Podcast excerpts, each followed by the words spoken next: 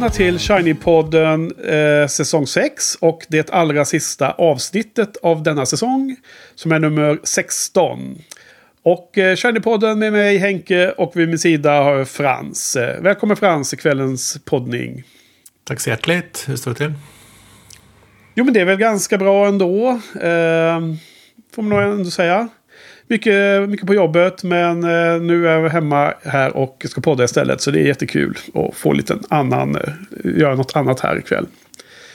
Ja, men du, nu är det ju, eh, har vi hållit på här i 16 veckor alltså.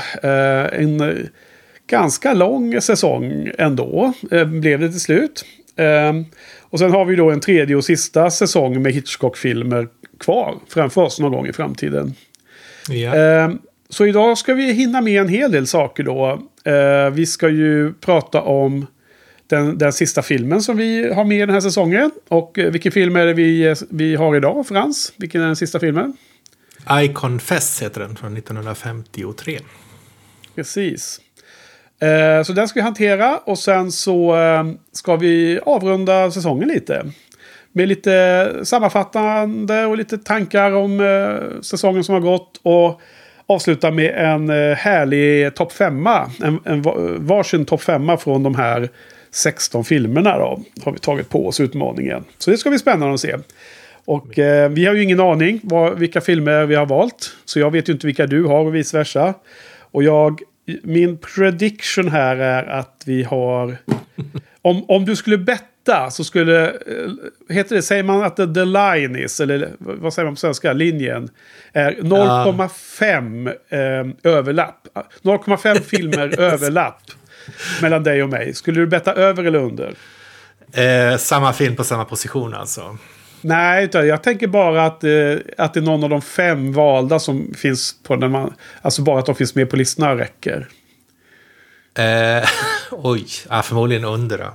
Ja, du, du röst, visa under ändå. Ja, ja. Spännande. Vi, vi, vi lär få se eh, hur det blir med det då. då. Ha, men du, eh, innan vi ska ta oss an kvällens film då så ska vi kolla lite på inboxen från förra veckans eh, prat om filmen Strangers on a Train, va? Har vi fått Ja. någonting? Jag har fått en eh, jättelång härlig kommentar från Sofia som går igenom alla möjliga ämnen. Hon, hon nämner först att hon inte tittade på Castle och undrar om det, det funkar att ha sett nej. den här eh, Throw Mama from the Train istället. Men nej, det, det är inte acceptabelt Sofia. Nej, det, det kan faktiskt inte få passera. Det måste vi tydliga Nej. med. Nej, så att inför säsong tre nu så får du se Cap Castle. Första säsongen och andra avsnittet på andra säsongen. Så är det, det är hårt.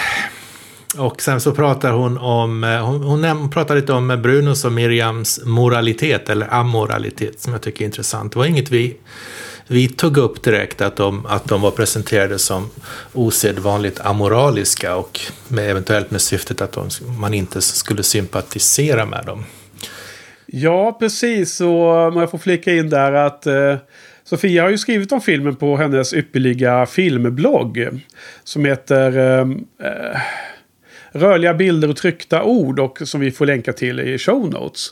Eh, och där eh, skriver hon det. Och det här med aspekten att Miriam eh, som blir mördad då och är eh, frun då till eh, huvudpersonen Guy. Att hon är amoralisk för att hon på grund av sitt levande och lite friare sexliv och sånt där. Det, det missade jag helt på att eh, beakta och ta upp. Så det, det adderar hon mycket där i tankarna runt det. Ja, jag har tänkt en hel del på det, men jag, jag har egentligen inga problem tror jag med, i alla fall inte med Miriam. Nej, jag måste säga att jag inte heller så att säga upplever henne på det sättet. Men det är kanske för att man är lite mer soft när det gäller de här moraliska koderna. Eh, leva i, i nu, nuet liksom jämfört med på 50-talet. Eh, och sen när det gällde Brunos eh, amoraliska eh, personlighet, eller vad man ska säga, eller liv. Jag, jag, jag försökte ju lite förra veckan att, jag menar, han är ju en psykopat och kallblodig mördare. Så jag var väl liksom lite åt det hållet i alla fall. Och, och liksom klanka ner på honom. Men, men du var lite mer förlåtande kändes det som. ja, precis. precis. Ja, nej, men jag får nog tänka om där med närmare eftertanke om att det, han är verkligen obarmhärtigt psykopatisk. Ja. Ja, det är intressant, eh, Precis. kommentarer kopia som är på vår hemsida i alla fall. Men sen pratar hon också, du, du, du eh, nämnde ju att det eventuellt fanns någon likhet med eh, Norman Bates i Psycho. Jag vet inte om, du hade, om det var något, någon djupare analys ja. du hade gjort det. För... Ja. Alltså, ja, precis. Jag, jag, jag såg det och du, du, du skrev ett litet eh, svar där också, ett bra svar. Nej, alltså det här var absolut inte någon djuplodande. Utan jag har ju inte ens sett Psycho, kan jag tillägga, ännu. Utan det får komma då när vi poddar om det sen i framtiden för hans. Men det var, det var dels utseendemässigt och dels var det eh, något jag kanske fångade upp i någon dokumentär. Eller man läste om det i intervjuboken. Och att det var den här kopplingen till... Eh, eh, ond, ond person och eh, kopplingen till sin mor och det. Och liksom någon slags moderskomplex som Hitchcock eh, jobbar med ofta. Det är återkommande, liksom ett av hans teman då. Så det var, det var nog det som jag haspade ur mig. Det var inget eh, mer djupgående så, så jag kan tyvärr inte utveckla det mer faktiskt. ja, men det är bra. Sen har vi fått från Jojo Nito också. Han, han har länkat eh, till ett sitt senaste, till sin senaste text om den här filmen. En riktigt härlig hyllning till eh, Strangers on the Train.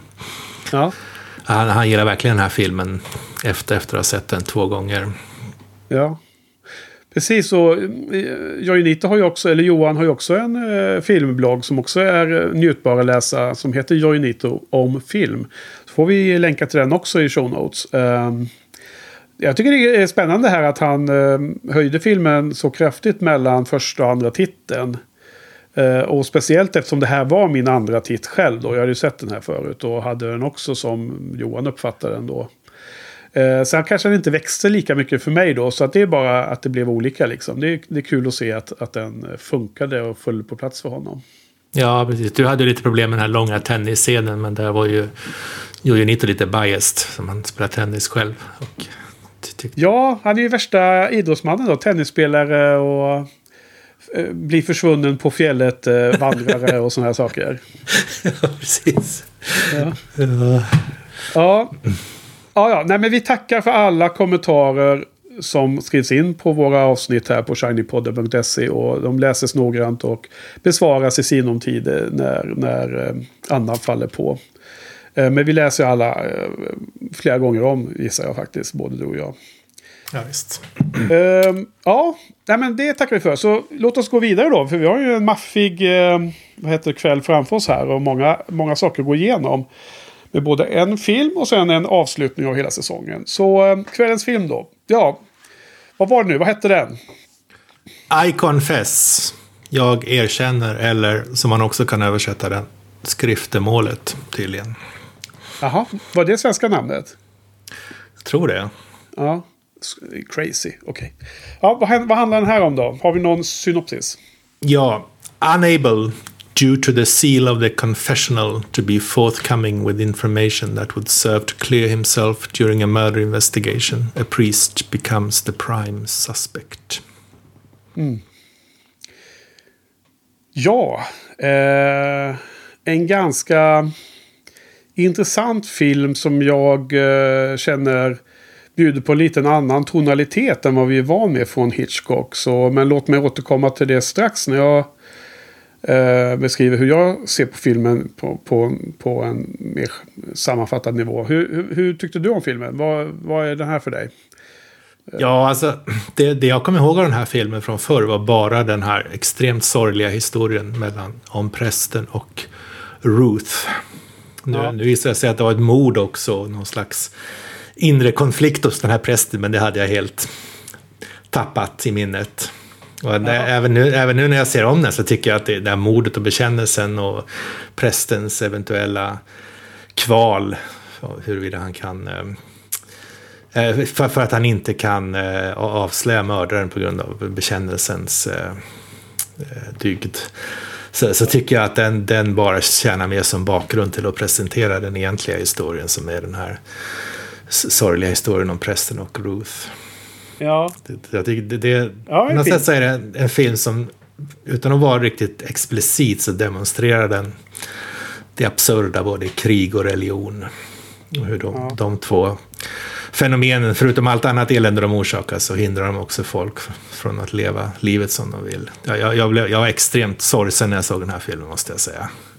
Mm. Det, jag tyckte inte den var så spännande för det fanns liksom ingen, ingenting som man undrade hur det skulle gå. Jag tyckte bara att den var väldigt sorgsen och uppgiven.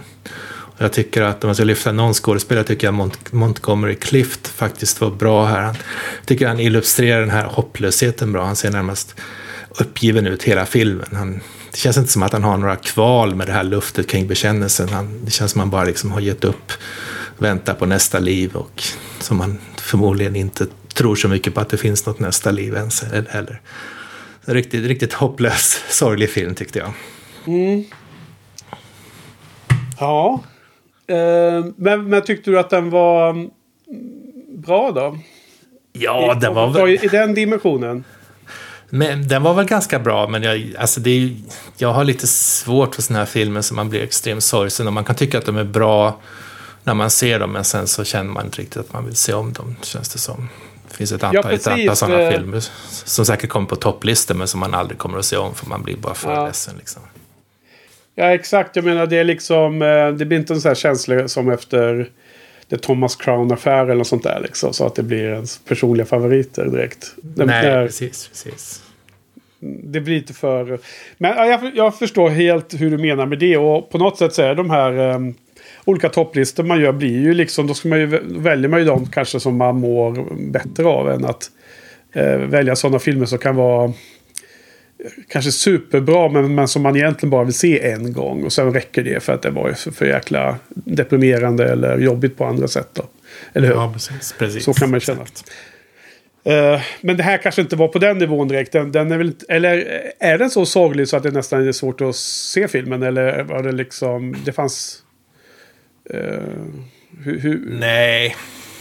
Alltså, den är väl inte som det här äh, som jag pratade om för några, veck några veckor sedan, Skriket, den italienska filmen, eller Fiorile, en annan italiensk film som man bara blir helt tom i hjärtat av. Den är inte, inte på, den, på den nivån, men man, liksom, det är ändå en film man blir, man blir eh, sorgsen av. Så att, ja, ja. Det är liksom inte, det, man, man, känner sig inte upplyft efteråt, om man säger så. Ja. Nej, det finns ju en, det är en sån klassisk genre av filmer, sådana som man då eh, gillar men som man bara vill se en gång. Och några av de, de, som brukar ligga högt på den. Eller som, som jag då köper in på som också oftast nämns av andra. Det är ju Pans labyrint. Jobbig film. Väldigt bra men eh, väldigt eh, eh, blik som man säger på engelska. Vad, vad, kan det heta på svenska? Väldigt... Eh, Eh, man blir sorgsen. Och en annan sån film är ju den här eh, Eh, Grave of the Fireflies, en uh, japansk animerad film om, om två barn i andra världskriget som är otroligt bra men väldigt sorglig. Jaha, Pans labyrint har jag faktiskt aldrig, aldrig sett efter att ha läst din text om den. Alltså, jaha. den, den verkar ja. så väldigt sorglig på din blogg. Ja, den är inte munter. Grave of the Fireflies har jag också skrivit om och, och, den är ju också bättre än den, den andra filmen. Och sen den tredje, den här uh, Requiem for a Dream tror jag den heter va? Darren Aronofskys eh, film om uh, knarkare. Det går inget bra för dem. Den är riktigt tung också. Alltså det, det, det är inget man sätter sig och ser på fredag kväll alltså efter en jobbat mycket en hel vecka. Ja, ja, no, eh, Okej, okay, men det, det, här är kanske inte riktigt den nivån uppfattar jag från dig. Men att det är åt det hållet. Lite så Precis. känslan är. Ja. ja, det är jättespännande att höra. Eller var du klar där med sammanfattning eller? Ja, ja. Ja. Alltså jättespännande att höra för att det, det är lustigt. Jag blir så helt... Uh, det blir kaos i huvudet på mig nu. För att det är så lustigt för att jag, jag, har, jag, har, sett, jag har sett andra halvan av filmen i första hand. uh, liksom, för mig är inte den här kärlekshistorien det centrala alls. Utan jag tycker det liksom är som en standard uh, olycklig kärlekssaga eller story. Och jag förstår att man kan... Uh, man kan connecta till den och, och känna den väldigt tydligt. Så, men för mig tycker jag att det här är spännande konceptet. Den här filmen är ju väldigt mycket den här absurda eh, liksom situationen som uppstår. Att han har fått eh, mördaren att bekänna mordet under eh, confession. Vad heter det? Bikte, bikten. Och sen då att han som präst blir eh, mordanklagad och sen kan han inte fria sig trots att han har i, han vet att det är en annan person som har gjort mordet och han på grund av den här regeln då i katolska kyrkan att man inte får eh, avslöja vad som sägs i en bikt och man, man får inte ens vetas... Eh, man, man, man, får inte alltså inte ens eh, eh, vetas vid att bikten har skett. Så att tydligen så att om, om du går till en katolsk präst du, du, är en av dem i församlingen och biktar dig. Sen om du nästa dag möter prästen, då får inte ens prästen på något sätt visa att han vet den här hemlisen. Alltså du får inte ens ge en sån här menande blick eller prata om det på tu man hand och så. Utan det får inte någonsin mer komma upp tydligen i deras relation. Har jag förstått mm. när jag läst lite eh, på det här. För jag, jag, jag tycker hela det konceptet är väldigt eh, eh, speciellt. Eh, jag vill inte använda ordet absurt med en gång, men nu säger jag det ändå. Det känns helt absurt faktiskt. Ja. Så den, den saken tycker jag är väldigt fascinerande. Eh, eller ja, inte fascinerande, men det är det som är liksom nerven i filmen för mig. Uh, sen är jag ganska ointresserad av hela problematiken i, det stora hela. Men av det vi ges så är det det här som jag knyter an till. Så skulle jag säga. Jag har också tyckt att det här var ganska uh, tung film. Uh, inte, inte alls i den nivån med de andra jag nämnde. Uh, jag har inte alls liksom starka känslor av sorg efteråt. Utan jag tyckte bara att den var tung i form att den inte var lättsam och inte hade någon glimt i ögat och ingen ironi och väldigt lite humor. Och eh, det var det jag eh, nämnde när jag sa alldeles innan här då, att det var en annan tonalitet som jag inte känner igen mig i från Hitchcock. Ja. Får, jag fråga, får jag fråga en sak? Alltså det här som ja. du beskriver, det, eh, som på pappret är en mardrömssituation, att han anklagad för mord, men han, han vet vem som gjorde det, men kan inte säga det. Tycker du att han att det kommer fram i hans skådespel. Det var kanske därför jag inte fäst någon vikt vid det, för jag tycker inte alls det kommer fram i hans, så som han spelade. Um, ja, jag har ju liksom ingen relation till Montgomery Clift. Men eftersom jag sett filmen med honom nu.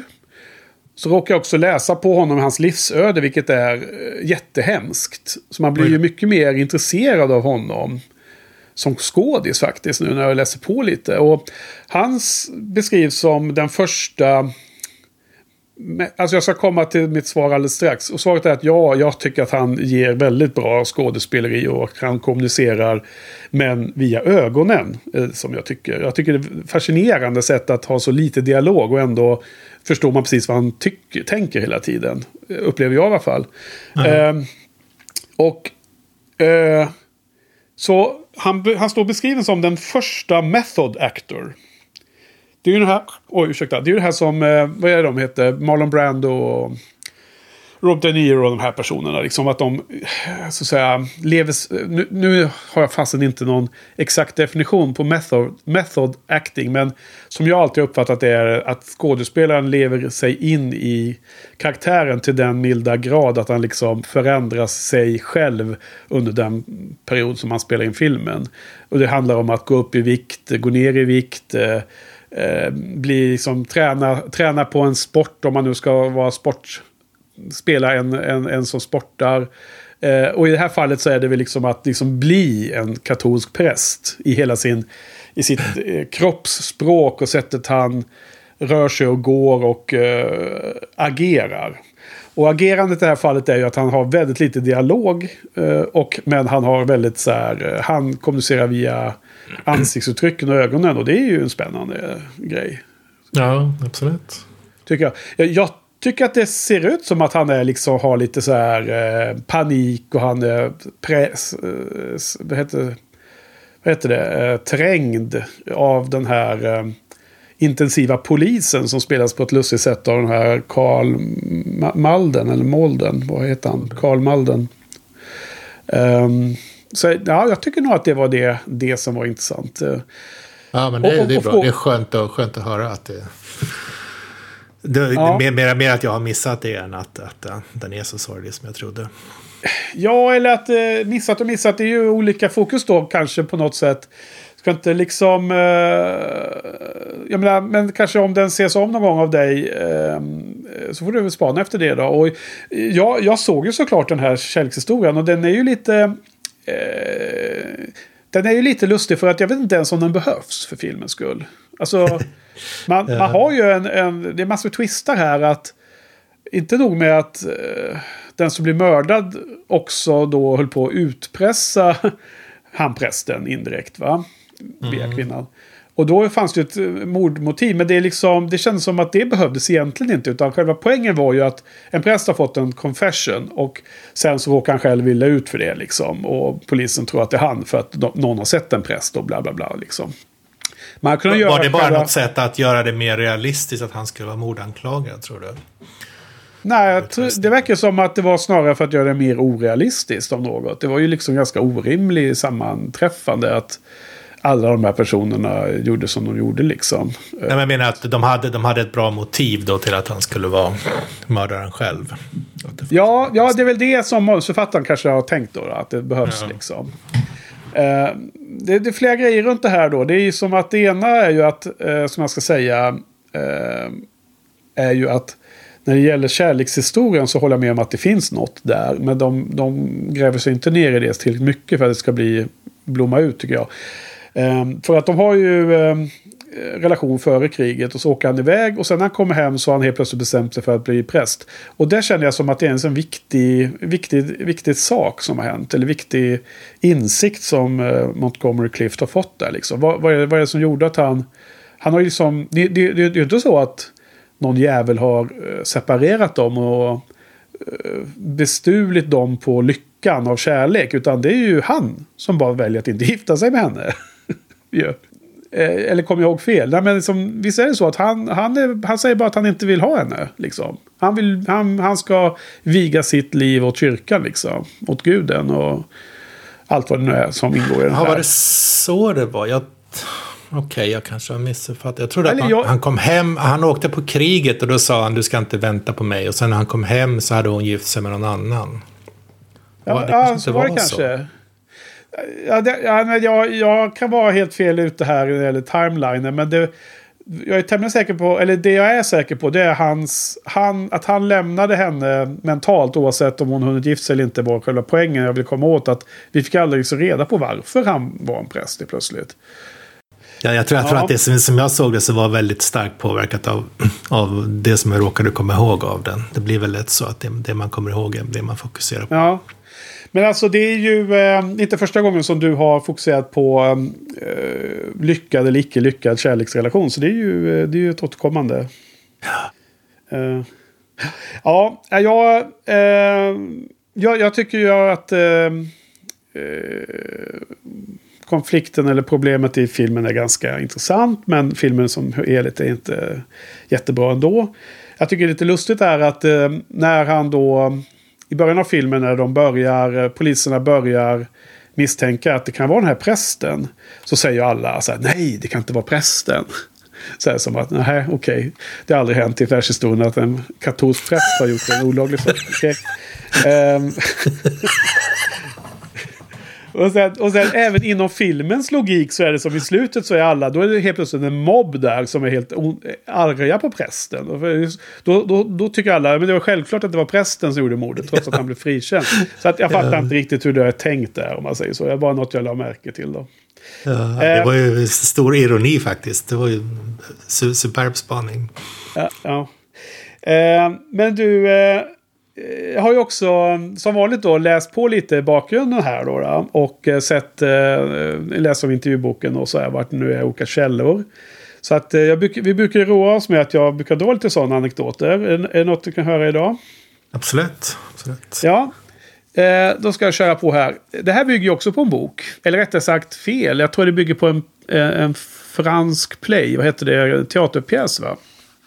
Ja. Eh, som heter Nos de Consciences. Conscience. Our two consciousness. våra, våra två, eh, vad heter det, två, eh, på svenska, consciousness.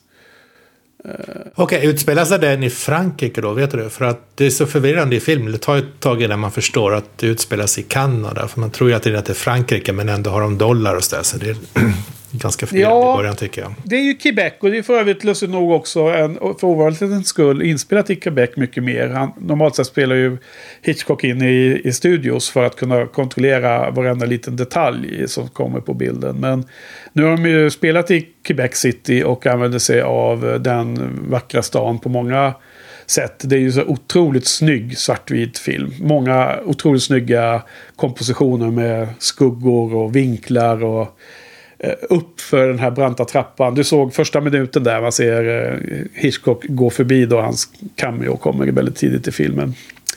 Eh, så Quebec är jättehäftigt in, in, inkorporerade detta och det är också franskpratande. Vilket fall som helst, det fanns ju två saker i det manus som som vanligt så jobbade Hitchcock fram grundidén till manus och sen tog han då hjälp av personer som skriver själva screenplay för honom då. Och då var det ju två saker som eh, var med i tidiga idéer och som, som jag förstår kommer från den här eh, teaterpjäsen.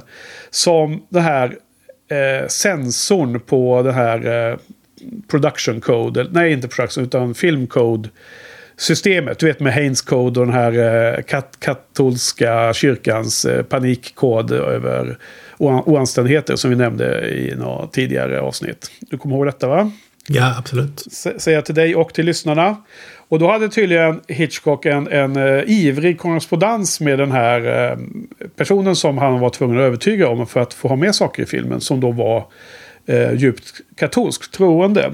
Så att då har alltså den här personen på, som jobbar för den här kod-kommittén då, eller vad man ska kalla det.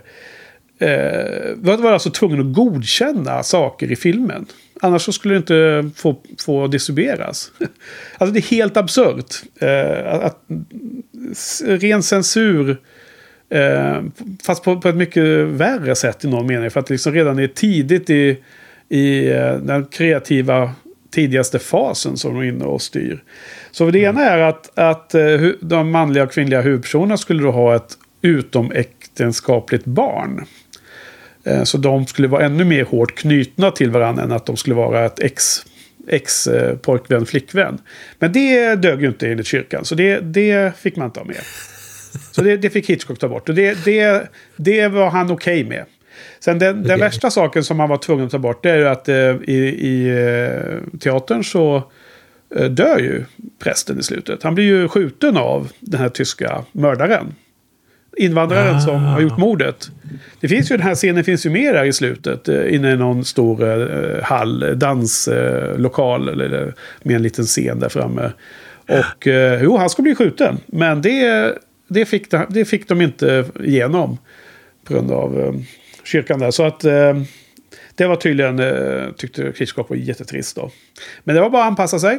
Så fick man göra det. Fick man skriva om slutet istället. Och mm. ja, men jag kan ju säga att filmen har blivit bra mycket mer minnesvärd för mig om, om Montgomery Clift har blivit skjuten där och dött i slutet av den här filmen. Måste jag säga. Ja, verkligen. Svårt att ja. förstå vad de, hade, vad de hade emot det.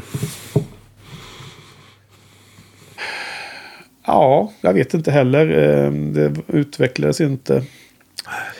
Ehm, när de pratar lite om Eh, eh, att filmen inte hade humor. Precis samma som man kände direkt. Det är en annan tonalitet i den här.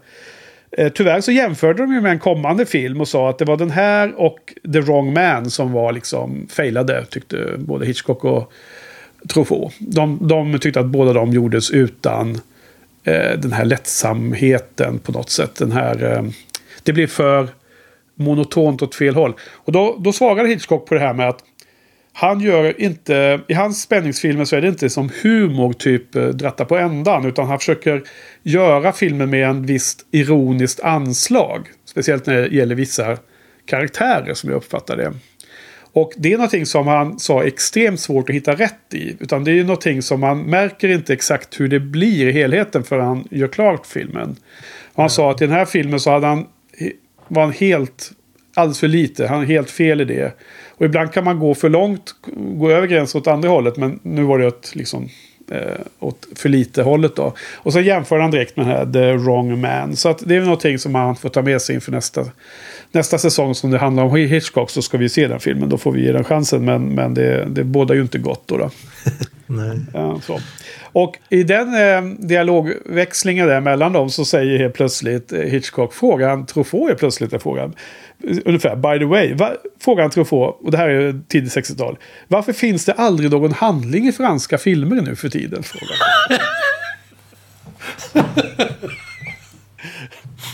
ja, och det ger ju, det är så lustigt för du vet, man, man tänker sig de här franska filmerna runt 60-talet är ju väldigt flummiga, eller hur? Va? Det är bara liksom scener som är helt obegripliga. Jag, jag har sett ett fåtal av de här.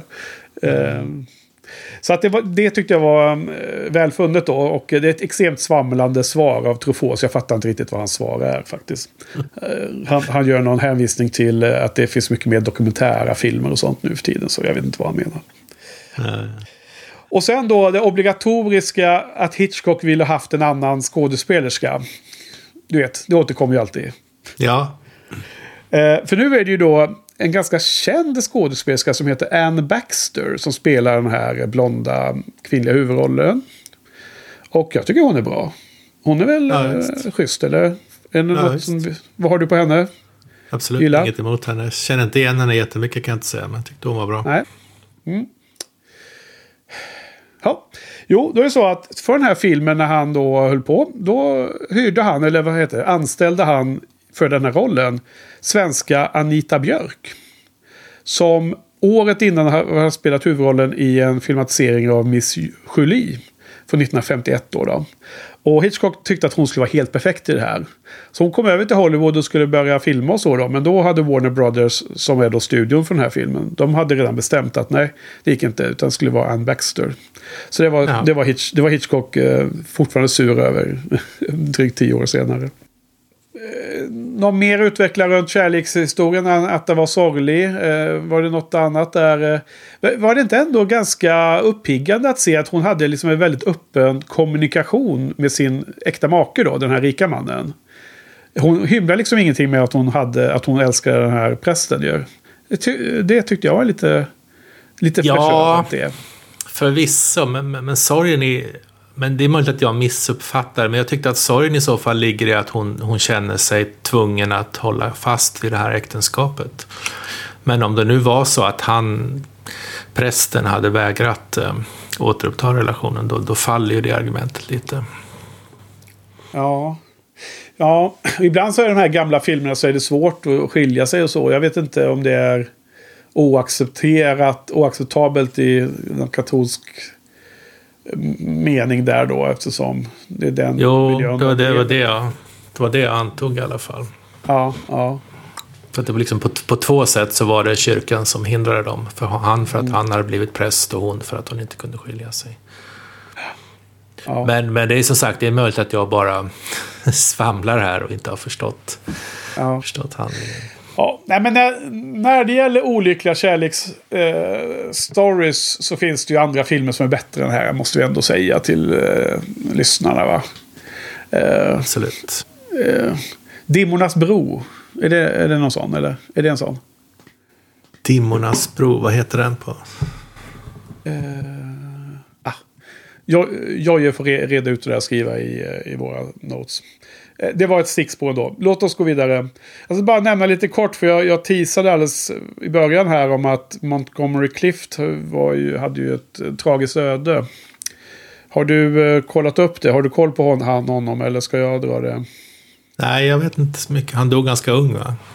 Ja, precis. Alltså, han... Eh, han, han var nog väldigt på G där runt det här. Och eh, andra halvan 40-talet och sen i början på 50-talet. Och det här är ju från 53 då. Och sen så... Eh, 1956, så är det bara några år efter den här inspelningen, så råkar han ut för en singelolycka med bilen. Läser man mellan raderna som var, var han, han åkte iväg från en fest, så jag gissar han kanske inte var helt nykter. Och han blev ju då extremt skadad, alltså bröt sig jättemånga ställen. Massor med ställen i ansiktet och näsan och du vet pelvis och allt vad det är. Va?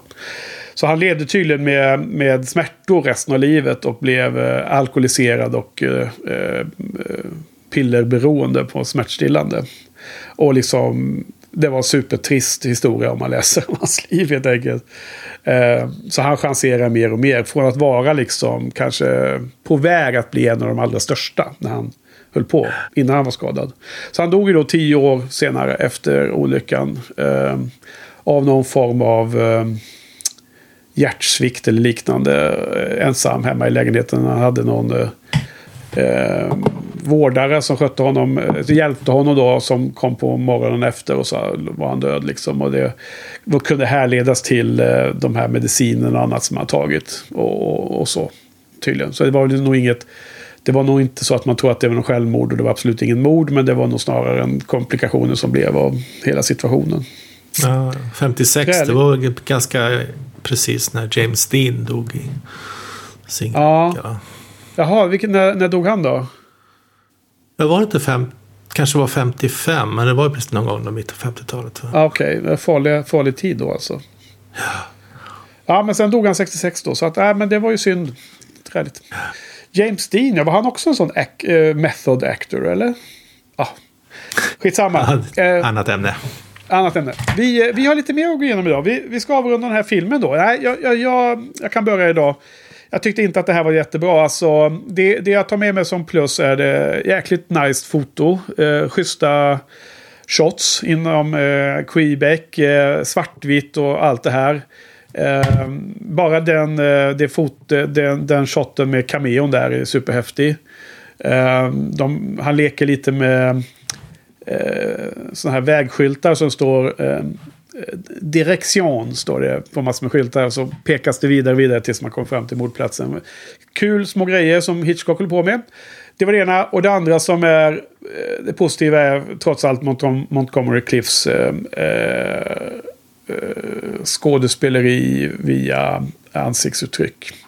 Så att eh, den får en tvåa. Eh, en en okej tvåa, men den är liksom ingen, ingen film som jag kommer rusa för att se om och så här många gånger mer i mitt liv tror jag. Det är för mig två av fem. Ja, eh, ditto. Samma betyg, men betydligt sämre underbyggt. Ja, det är mag magkänslan får ju gälla då, såklart. Eh, Ja, Nej, men vad bra. Nu har vi alltså eh, nu har vi pratat klart om den 16 och sista filmen här nu då från den här säsongen. Och eh, så vi har ju gått igenom 16 filmer från Jamaica In från 1939 ända fram till I Confess 1953. Och nu återstår ju då 15 filmer av hans, eh, hans eh, erkända långfilmer så att säga. Eh, från 1954 och fram till 1976 som är den allra sista filmen. Eh, men det är för nästa säsong. Så att eh, nu ska vi börja sammanfatta den här poddsäsongen lite då. Eh, då då eh, har, har, har min kära medvärd här, Frans då, du har, du har eh, försökt sammanfatta tankarna runt den här eh, säsongen va? ja, precis. Dels, dels kring säsongen och filmerna och dels kring eh, vad, vad vi har sagt. Du får protestera om jag har missuppfattat någonting eller missat något, något väsentligt. Men så, Jättespännande. Kul, kul variant på sammanfattning. Så eh, ur Frans perspektiv, säsong 6 av Shiny-podden. Nå- Något åt det hållet, eller? ja, precis, precis. Ja. Så ja, The Master of Suspense, spänningens mästare. Och det, det kan väl hända att han är spänningens mästare, men, men det, för han, det som han för mig är mästerliga är inte att skapa spänning utan att skildra människor som på ett eller annat sätt är utsatta. Antingen eh, inom situationstecken eh, vanliga människor som blir utsatta på grund av olyckliga omständigheter eller människor som är utsatta på grund av att de är icke-konforma i sin personlighet eller sina beteenden. Vi har följt offer som eh, blivit eh, offer för tillfälligheter som jagas av statsapparater och andra apparater som har fått allt om bakfoten eller som bara är onda nazistorganisationer och det ena och det andra. Vi har sett dem som eh, för trångsydda människor på den tiden och tragiskt nog än idag hade svårsmälta sexuella preferenser. Vi har sett psykopatiska Bruno, vi har sett andra Mrs Winter, svag människa. Vi har sett eh, traumatiska personlighetstjuven i Spellbound och vi har sett den vilsna Alicia i Notorious. Och den kluvne Uncle Charlie för att nämna några. Och Första säsongen så hade vi också ett antal utflippade karaktärer. Jag minns mest var den här oblyge folkmusikforskaren i Lady Vanishes. Och, men men det jag tänker kring det här är att Hitchcock själv, han är också en ganska udda person. Om man får skämta lite så får man säga att han, han, han står ut. ja, han sticker ut ja. Precis, och det är, det är kanske inte orimligt att tänka att, undra om det är själv är så att han, den här insikten och vördnaden med vilken han beskriver de här udda karaktärerna, att det har någon bakgrund att han själv har varit utsatt eller kanske mobbad på något sätt, till exempel under sin barndom. Och du kom ju med det mycket intressanta påpekandet här veckan att han ofta skildrar mer eller mindre bindgalna mödrar eller modersfigurer. Så det, det, det, det lockar liksom att tänka till om det finns någonting i hans egen barndom där. Ja, han är ju... Eh, han har, var ju uppvuxen i en strikt religiös uppväxt. Och han, han har också... Det är det ena. Och det andra är att han har ju också nämnt många gånger i den här intervjuboken hur hans skräck för poliser. För hans, eh, just för det, hans pappa körde ju det här practical joker på honom att uh, skicka honom i fängelset. Ja, just det. det uh, han fick gå till polisstationen när han var ganska ung med en lapp och så stod det på lappen att sätta mig i fängelset. Och så tror jag att han säkert blev ganska rädd där innan pappan kom ner och hämtade ut honom. Och att det allting var ett skämt. Så att det är också ganska kul att det ofta är de här, du sa att det är statsapparater och andra som jagar de här oskyldiga. Och det är ofta poliser som jagar en oskyldig. Så det är väl yes. taget direkt från hans barndomsskräck liksom. Ja, ja, nej, det var ju, det var ju verkligen adekvat. Det hade jag glömt, den, den incidenten. Nu pratar vi om i säsong ett, va? Ja, precis. För det nämndes mycket där i början av hans eh, filmer, tror jag. Mer där. Och sen, sen mer om han känner sig... Jag, vet, jag har aldrig hört att han blivit mobbad i skolan. Det är ju en klassiker annars. Men däremot så tror jag att han var hela tiden lite utanför i, i engelska filmvärlden. Där han kanske inte liksom, du vet, kom från teatern eller hade någon form av eh, kanske fin bakgrund. Utan han, han jobbar med spänningsfilm som ansågs lite kanske mm. på sidan. Vad vet jag. Och att han liksom hela tiden försökte bevisa sig och att det kulminerar i att han då blir eh, över... Eh, liksom, att han som en free agent kunde åka över till Hollywood och få jobb där var liksom att bevisa sig. Och väl i Hollywood så är han i, men ändå en, en utombörling. För då är det den här brittiska regissören som kommer över. Så ja. han kanske under hela sin karriär har hela tiden varit lite så här. Ska bevisa sig, hela tiden har en chip on the shoulder som man pratar om. Ja, nej, men det, det, det är bra. Det, det visar att det kanske trots allt finns något slags ja. utanförskap där som reflekteras i den. Att han beskriver den typen av karaktärer med, med osedvanlig vördnad och omsorg. Ja, men det är också jättekul att höra dig sammanfatta de här. För jag, jag har inte liksom formulerat den tanken i huvudet själv. Så här, att det, om man sätter ihop dem så här, alla dessa olika karaktärer från de här många av de här kända filmerna som du nu refererade till alldeles nyss. Det är ju, det är ju en spännande eklektisk grupp personer eller karaktärer som du har samlat där. Ja, det, det känns i alla fall som att vi pr har pratat betydligt mer om karaktärerna än om vad som händer i filmerna. Är det något mm. du håller med om? Ja, då. det är ju det som är mer intressant oftast tycker jag. Det har blivit så mer och mer att handling är ibland sekundär och karaktärernas eh, liv och leverne är det som är kul att följa. Mm. Ja, precis. Och när, det gäller karaktärerna så har vi kanske inte båda älskat dem med samma iver. och... Eh, det har varit mycket underhållande. Du har, du har ju protesterat mot de mer exotiska karaktärerna på väldigt kraftfullt och ja. härligt sätt. Och mycket roligt både för mig och för lyssnarna hoppas jag. Jag själv, själv har jag kanske mer, varit mer, kanske inte accepterande utan mer bedövad av att de har full, funnit, följt med mig så länge att när jag först såg dem så hade jag inte, såg jag dem inte med den typen av kritik som jag kanske skulle ha sett dem med idag. Du har nog varit helt klart mer accepterande. Det är bara att konstatera att jag, jag kan vara för eh, sträng ibland i min bedömning. Men eh, det, det, det, är, det är inte något man uh, ska promota. Så att det är bra med accepterande. Det, det funkar bra för oss. Vi, vi går vidare. Ja, nej, men, men någonting som jag, som jag har fått upp ögonen för den här säsongen då, det är ju det att titta mer på det filmtekniska och eh, all, allt som sker i bakgrunden med manus och med fotografer och kamera, sjuka kameramän och alla små practical jokes och andra anekdoter från inspelningarna. Det är ett, någonting som jag aldrig har tänkt på tidigare. På samma sätt som när man tittar på målningar så har jag aldrig riktigt tänkt på eller intresserat mig för hur målaren har hållit i penseln eller vilken typ av färger han har använt eller så vidare. Men, men när man hör dig beskriva det här och eh, referera alla de här anekdoterna så är det ju otroligt spännande. Det känns som att det är någonting som jag förhoppningsvis kommer att bli mera mera duktig på att fånga upp under, under nästa säsong. Då. Ja.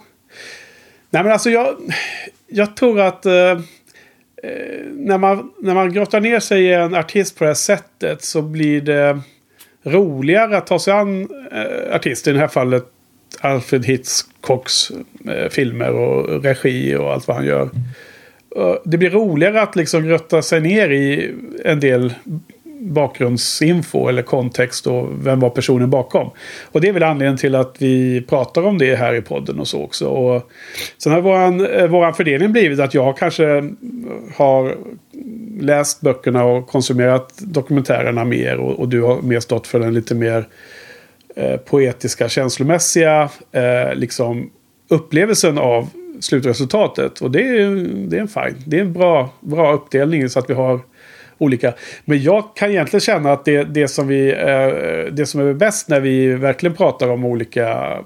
Eh, det, det, är någon slags mittenläge där det är en analys men att det ändå är av filmens teman och handling och karaktärernas liksom bevekelsegrunder. Det är ju det som är mest intressant tycker jag egentligen. E egentligen är det inte superintressant om det var en stor kamera och han flyttar på en vägg och så. Men, men det är ändå det adderar ju något till hela myllan, hela kontexten. Men sen är det ju själva vad händer i filmen som, vi, som jag, jag, jag tycker egentligen är roligast att prata om. Ja, nej, men det, det, är också intressant allt vi har lärt oss om Hitchcock här. Ja. Man, man, man, får en bild av en eh, ganska självgod man med många bortförklaringar. Och, och så, ja. som verkar på något sätt bedöma sin egen konst i, med kriteriet om de har, huruvida de har kommersiell framgång eller inte. Ja. Det är ganska ovanligt. Man tänker ju på konstnärer med, med bilden att de är liksom fattiga som bara, bara tänker på det, det konstnärliga, konstnärliga uttrycket och är ointresserade av pengar och material. Men Hitchcock verkar vara precis tvärtom.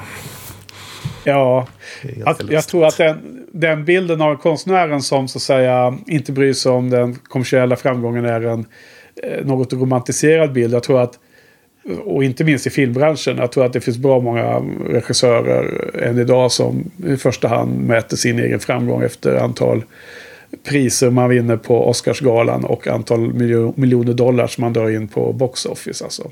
Det är ja, nej, precis. Ja, men det, har ju, det har varit flera tillfällen där Hitch, Hitchcock har sagt någonting om att det här var ingen bra film. Och sen, varför tyckte han inte om den filmen? Och så säger han, att den, den sålde inte bra.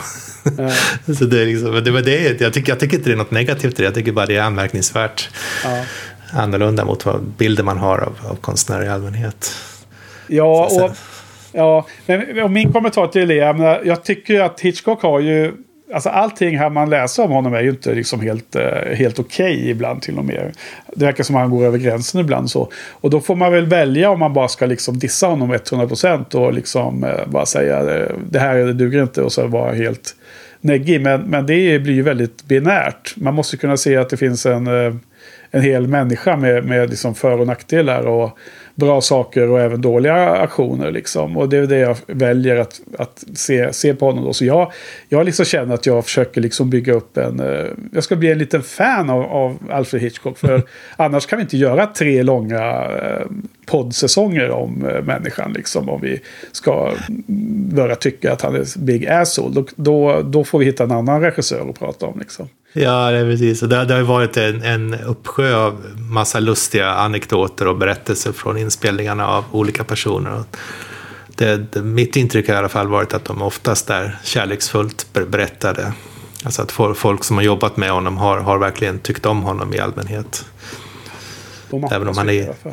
Ja, det, det har låtit så i alla fall på anekdoterna. Även om han ibland har gått långt över gränsen med sina grymma practical jokes.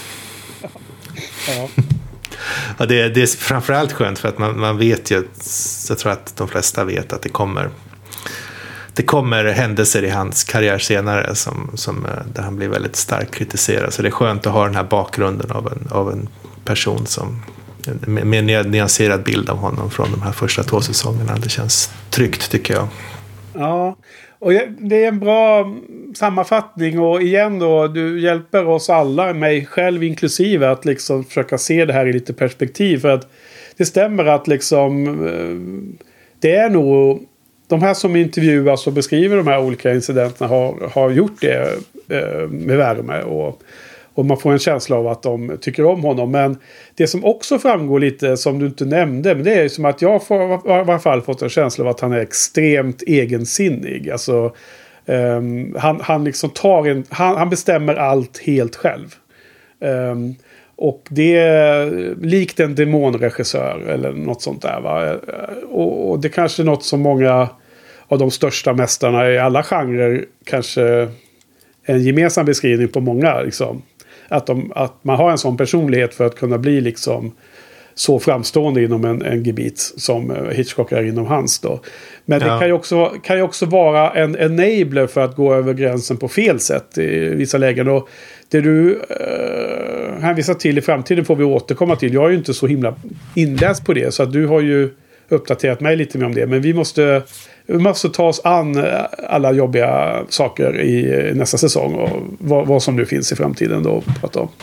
Precis.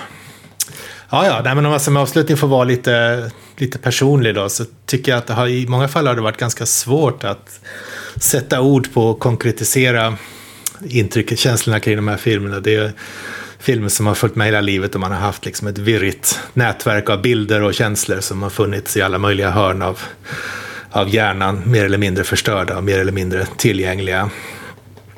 Och eh, det har ju också visat sig, även nu i den senaste filmen här, att jag ett flertal tillfällen har missat eller missuppfattat väsentliga delar av handlingen. Jag antar att det är någon slags kognitiv bias, att man kommer ihåg en film på ett visst sätt och då ser man bara det som, som bekräftar den bilden. Och många av de här filmerna har ju, har ju varit, är ju mina personliga favoriter, inte bara för Hitchcock utan alla, alla kategorier. Och filmer som jag har tänkt på genom, genom åren, genom decennierna här, gått och funderat på varför i hela friden betedde de sig så och vad, vad, vad fick det för följder och, och så vidare. Och vad, vad drev de här karaktärerna under hela min uppväxt. Och, I Notorious till exempel så har för mig alltid den här stämningen i filmen och Alicias sökande näst, alltid varit extremt, nästan smärtsamt gripande. Och jag kan tänka mig att om jag hade sett den här filmen första gången idag så skulle jag tycka att det var tämligen obegripligt. Och eh, ja. i, Rebecca, så är den andra Mrs Winter, hon var nästan som en bild av mig själv i hennes, hennes ålder, som någon som jag verkligen har identifierat mig med när jag var yngre. Så att eh, allt hon gör, hon må vara svag och och eh, bete sig konstigt. Men för mig så, så, så, känns det ändå ganska naturligt så som hon framställs där. Och i Spellbound så är det en slags hopplös kaotisk handling och konstiga karaktärer. Men det här, in, förr när jag sett den här så har det alltid varit som någon slags magisk labyrint där man varje gång hittar någon, någon ny, ny väg in och man ser någon ny, ny, nya upplevelser varje gång man, man ser den filmen. Det, det, måste jag känna att jag är kanske lite, lite, lite svagt sorgsen över att när vi har analyserat den i, i detalj nu så har, vi liksom, så har man förstått alla scenerna och vet precis vad som hände. Så att den här magin kanske är, är försvunnen när det är den här filmen. Men det, det ah, som, som, vi, som, vi, sa vid den tiden så var, det, så var det någonting som jag var beredd på och eh, det är trots allt bara en, en gammal film så det får man väl finns, finns eh, mer, mer viktiga magier att bevara. Ja, ja det, det är så illa. Vi, vi gör allt det här för våra lyssnares skull och vi, vi till och med river ner din, din, dina gamla bilder av de här filmerna. Allt för våra lyssnares skull. ja, precis. Ja. Nej, men, men Nej, någonting som jag har kvar så är det i alla fall alla de här oskyldigt anklagad-filmerna. Där jag kände den här smärtan och uh, ilskan kring uh, orättvisan. Det, det, kan jag fortfarande ha, ha med ja. mig. Ja, precis. Eh, fantastisk eh, setup inför eh, nästa säsong med, eh, med, med, Hitchcock. När vi återkommer till den sista av tredje av tre. Eh, för att då får vi ju ta fasta lite mer på de här, ehm, eh, den här, de här kontexten. Och det är ju det är så himla stor skillnad på dig och mig här Frans när det gäller ehm, eh, Hitchcock-tittande. För du har sett filmerna, de flesta, och varav många, många gånger och varav många som du gillar så mycket som du nu beskriver här också. Och, och jag är ju helt, ehm, jag är ju som en newbie i det här sammanhanget. Jag tror jag har sett max 10 filmer innan vi startade och vi kommer att podda om nästan 50 va. Ja. Och, ehm, och för mig är det liksom väldigt så här nya upplevelser och podda en eller två dagar efter man sett filmen. Så det är som noll tid att ha filmen i huvudet och ha de här tankarna och funderingarna om varför gjorde de så och hur, hur, liksom, hur ska jag behandla den här känslan och så vidare som filmen har givit. Så att vi har ju diametralt motsatta ingångsvärden till de här samtalen om filmerna då. Ja, precis. Och det, det kanske inte går att, går att uppnå den, det nu för tiden. Men på den tiden när man såg en film som råkade gå på tv så, så gick det ju kanske veckor, månader innan man såg en film igen. Och nu, mm. nu ser man kanske flera filmer i veckan så att liksom, det finns inte det, det utrymmet längre i. Ja, och, och jag känner igen mig det här att jag blir ju själv förstörd av det faktum att man skriver på filmblogg och eh, poddar om eh, musik, jag vill säga om film och annat, är ju att man förhåller sig till filmer på annorlunda sätt än vad jag gjorde innan jag började skriva bloggen då. Som är nu tio år gammal snart. Eh, bara det faktum att man liksom ens vet om att man ska skriva ned sina tankar om filmen efteråt gör att man tänker på det. Eh, ibland mitt under filmen. Ibland, mm. Vissa filmer är man ju helt, i, helt inne i och liksom tänker inte på någonting annat. Men ibland kan det hända att filmer som inte greppar en fullständigt så börjar man tänka mitt i filmen att oj, hur ska jag beskriva det här i min blogg liksom? Och det är ju egentligen, då förstör man egentligen filmupplevelsen lite. Och det du beskriver är delvis ett liknande typ av problem. Att genom att delta i den här podden med mig och prata om filmerna och analysera dem lite gör att du förändrar hela bilden av dem i huvudet. Och det, ja, det blir ju så då. Det, får man, det, det blir en eh, nödvändigt ont ju. Eller ja, fast jag, jag, vet inte, jag ser inte det som ett problem eller något ont. Det, det, det, var, det var dags snarare. Det var dags. Ja. Nej, men ja, det är bra. Vi, eh, vi, eh, vi, har ju, vi har ju många kända och bra filmer gissar jag kvar på vår lista. Och det är säkert många av dem som du också har sett många gånger och har starka relationer till. Så vi får eh, komma ihåg att liksom fiska upp dem längs vägen och behandla det yeah. på bra sätt. Mm. Ja. Nej men superb. Eh, jättekul. Eh, om jag får säga lite mer personlig eh, variant av sammanfatta vad vi har gjort här. Och, och eh, jag eh, har inte gjort något liknande den här gången. Men jag har givit lite kommentarer i alla fall till, till din input här.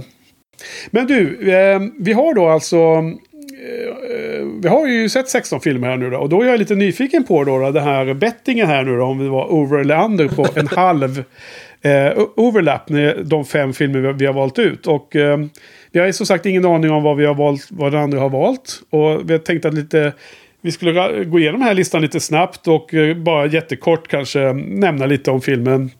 Eller rätt sagt om varför vi har med filmen på listan.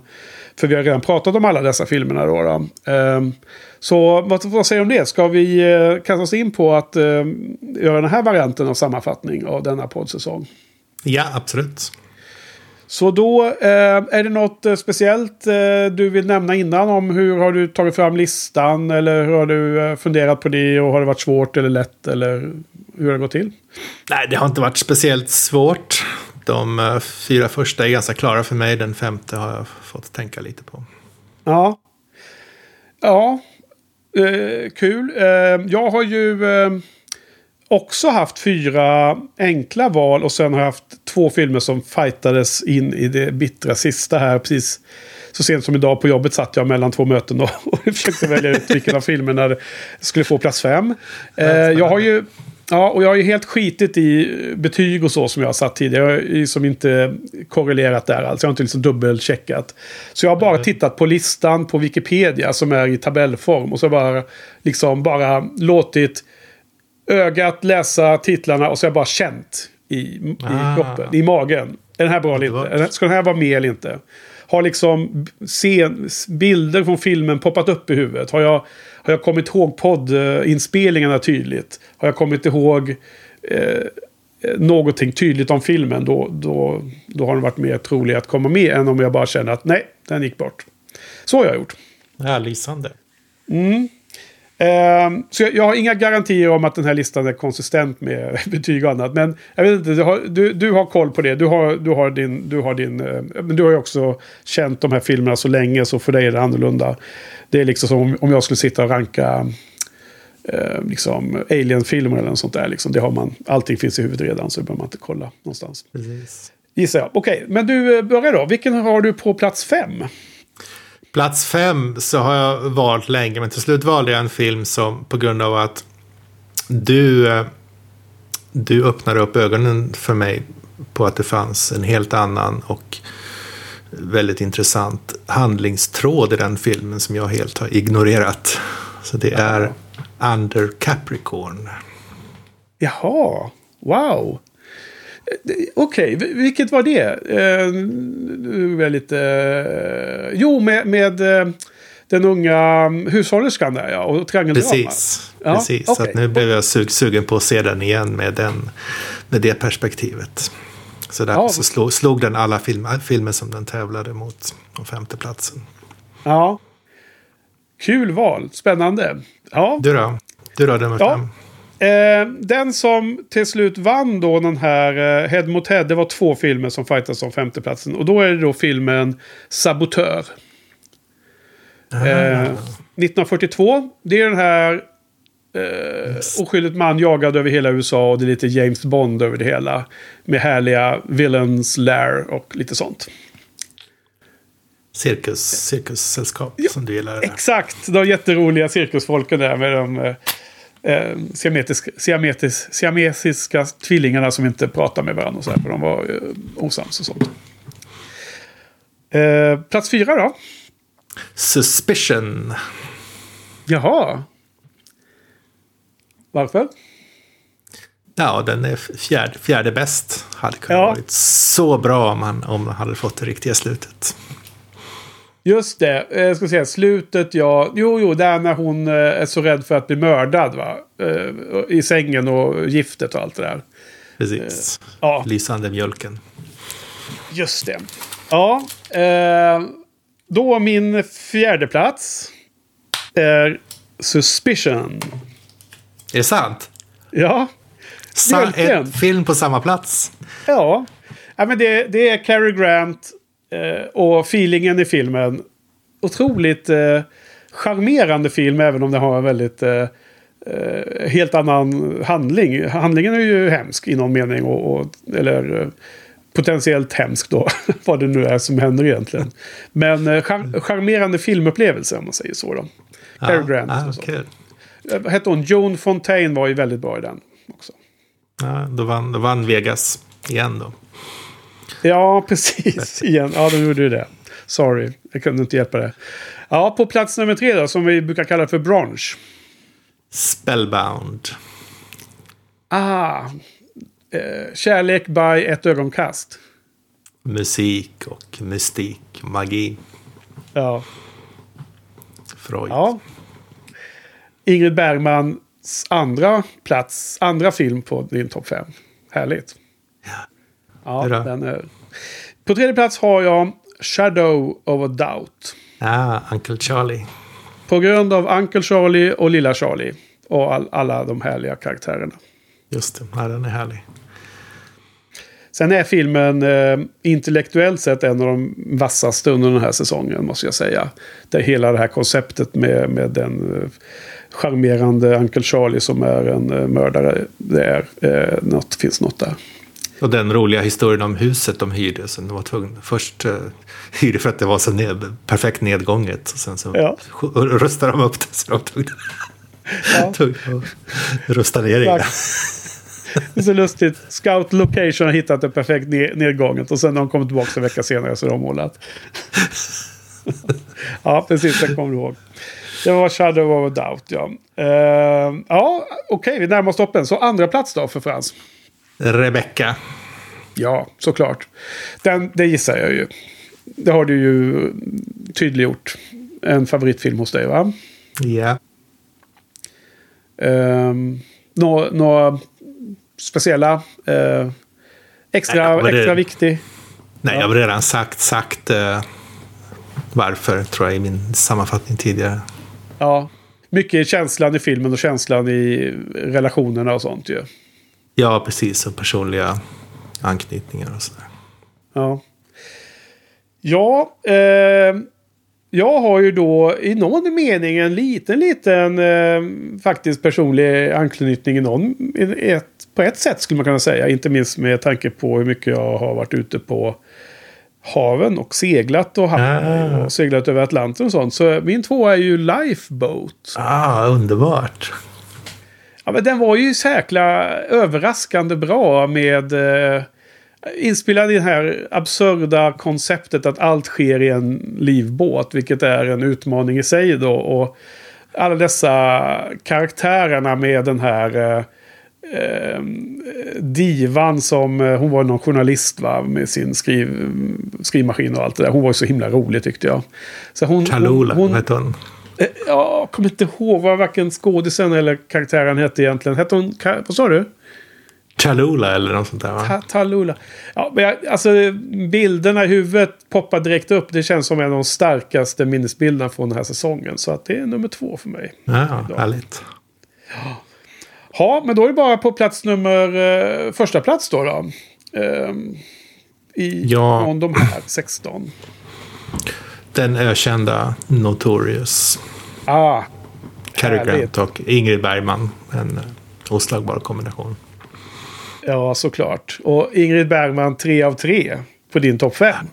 Ja. Spektakulärt. Vilken hattrick. Cary Grant är ju härlig där. Ja. Mm. Och det är också känslan och parets eh, eh, oförmåga att kommunicera och allt det här. Och, som är... Och, och det här eh, stämningen i det här nazistpalatset som fortfarande håntar mig, vad man nu säger på svenska. Vad sa du? Hånt, vad säger vad heter det på svenska? Ja, det hemsöker dig. Det Hemsöker. jagar dig. Precis, precis. Mm. Ja. ja, nu undrar du förstås om jag också har Notorious på plats nummer ett då. då. Ja, jag skulle gissa att det inte är den. Men däremot så har jag väldigt svårt att gissa vilken det kan vara.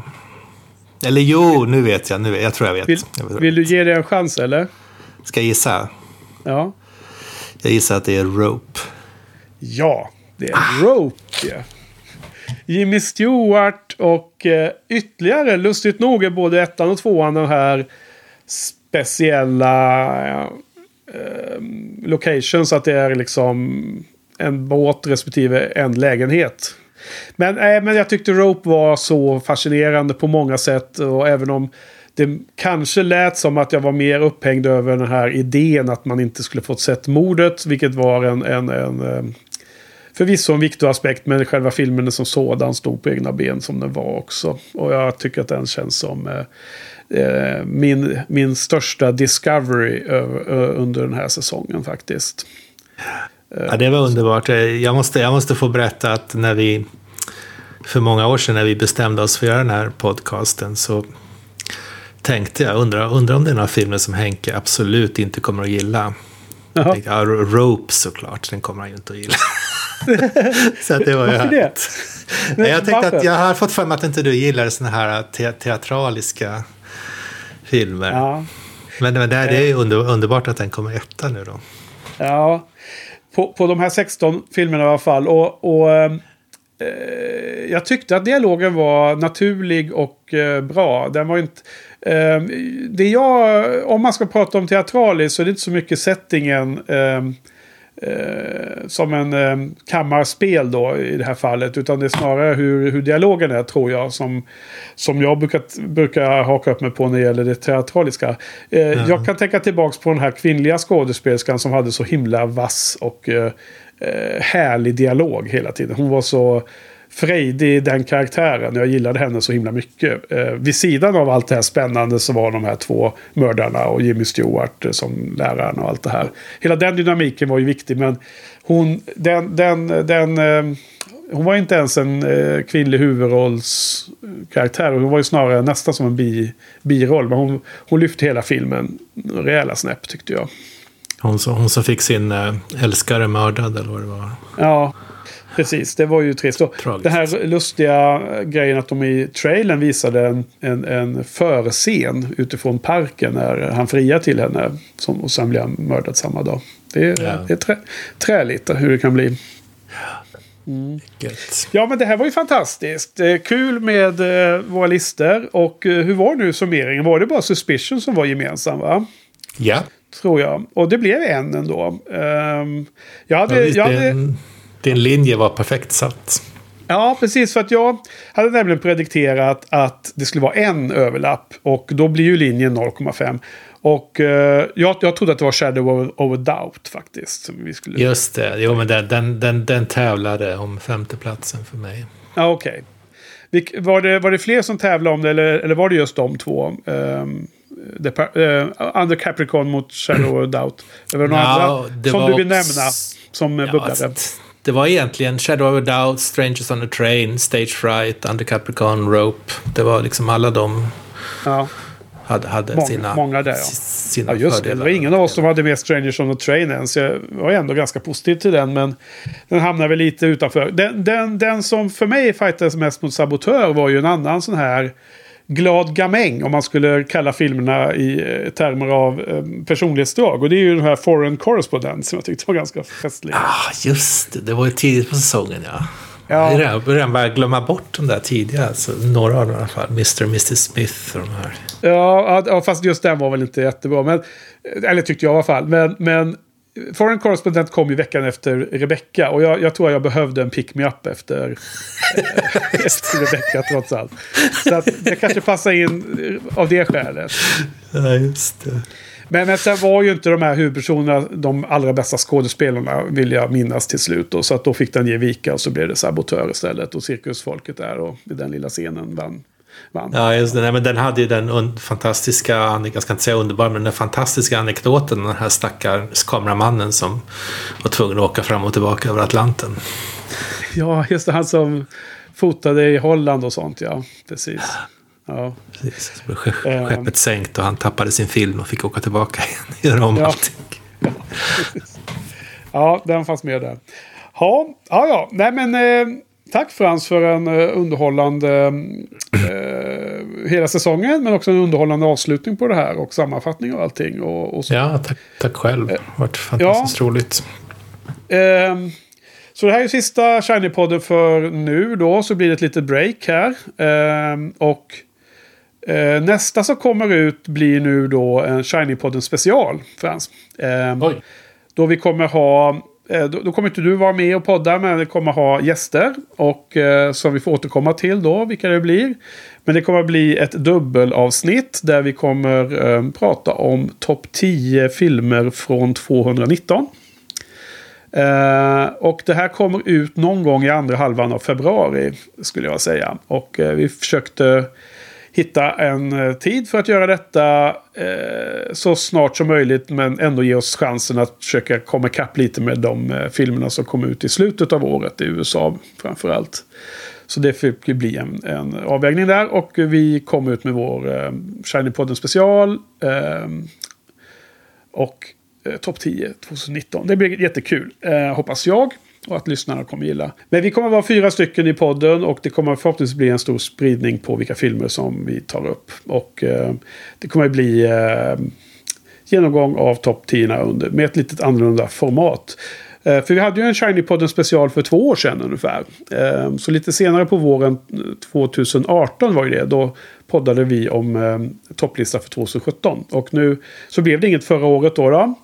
Eh, för det var mitt inne i Firefly-podden. Eh, så det blev aldrig av. Men nu ska vi återkomma till denna eh, lilla roliga sak. Topp 10. Eh, Ja, så det, det får dyka upp på feeden för folk som är prenumeranter. Och sen kommer jag ju också skriva en liten eh, notis om det på min filmblogg. Så att folk kan påminnas att det har kommit ut. Och sen efter det så kommer vi med någon säsong 7 av Shiny-podden någon gång i framtiden. eh, När det nu kan bli dags. Och då är det ett nytt ämne och ny, eh, ny duo som gäller också. Och då kan vi tisa lite om att det blir i musikens värld igen. Men det är väl Oh, allt, vi wow. får, allt vi får säga om det nu va. Ja. Har du några avslutande bevingade ord?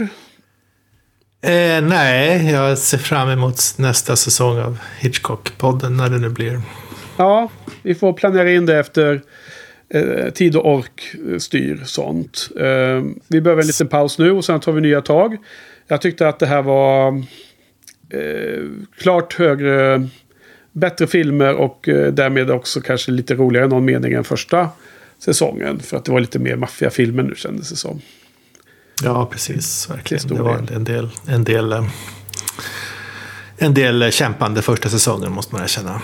Ja, och eh, inflation i, i de låga betygen där. Egentligen var det nog många lägre än vad jag gav dem. Men, men det, i alla fall nu när man fått perspektiv. Men det, det är så när man blir entusiastisk och insatt i en film och, och, och så. Så kan, kan det hända att man, man eh, man, man, man, man, ser och tänker på saker som man sen lätt glömmer av med tiden. Och så är kvar bara något eh, blekt minne av det som man en gång tänkte om den. Ja, ja men jag tack, tackar dig Frans och vi, vi tackar Niklas för eh, vignettmusiken som vanligt. Och eh, kul. Och nu eh, är det slut då för den här gången. Tack lyssnarna och inte på återhörande på måndag utan lite senare någon gång i andra halvan av februari så hörs vi igen.